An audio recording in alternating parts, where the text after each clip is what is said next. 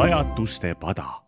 loen teile täna jutu Karneval ja kartulisalat, mille kirjutas Andrus Kivirähk.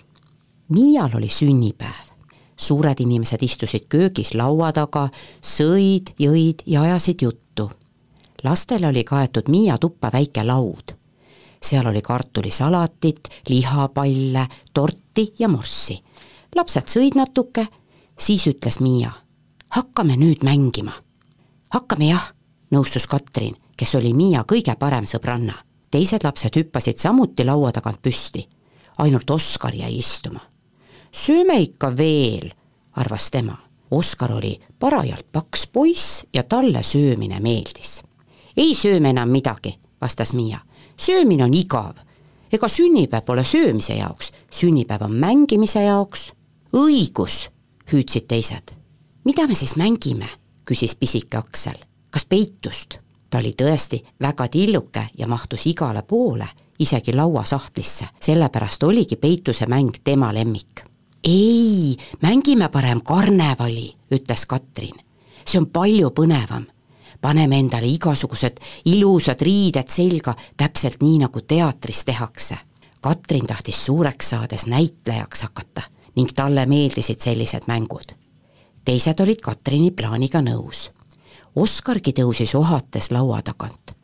sinna jäi veel nii palju kartulisalatit ja torti, aga midagi polnud teha, tuli minna Miia ema riidekapi juurde ja endale sealt karnevali jaoks rõivaid valida.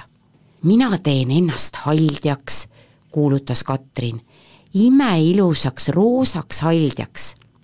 mina hakkan printsessiks, teatas Miia imekauniks lokkis juustega printsessiks.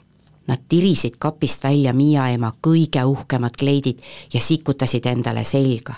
mina olen päkapikk, ütles pisike Aksel ja pani endale pähe Miia ema triibulise suka. see oli nagu päris ehtne tutimüts. ka teised lapsed leidsid endale midagi põnevat siis mindi teise tuppa ja Katrin ütles, et nüüd tuleb välja mõelda päris ehtne näidend mina hakkan mängima peaosa, haldjate kuningannat, seletas ta. ja Miia on röövitud printsess, keda ma vabastama lendan. aga nad ei jõudnud veel midagi mängida, kui tuppa tuli Oskar. ta oli lühikeste pükste väel ja tema paljas punnis kõht oli Miia ema huulepulgaga üleni punaseks värvitud. mis asi see on? küsis Miia jahmunult.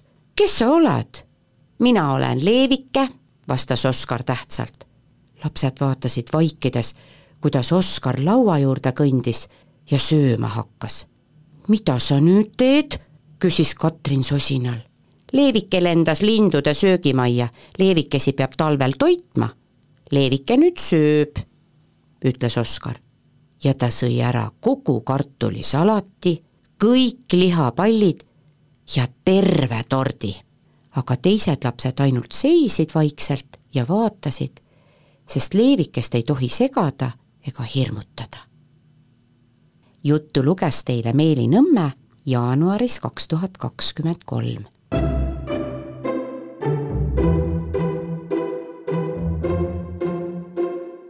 pajatuste pada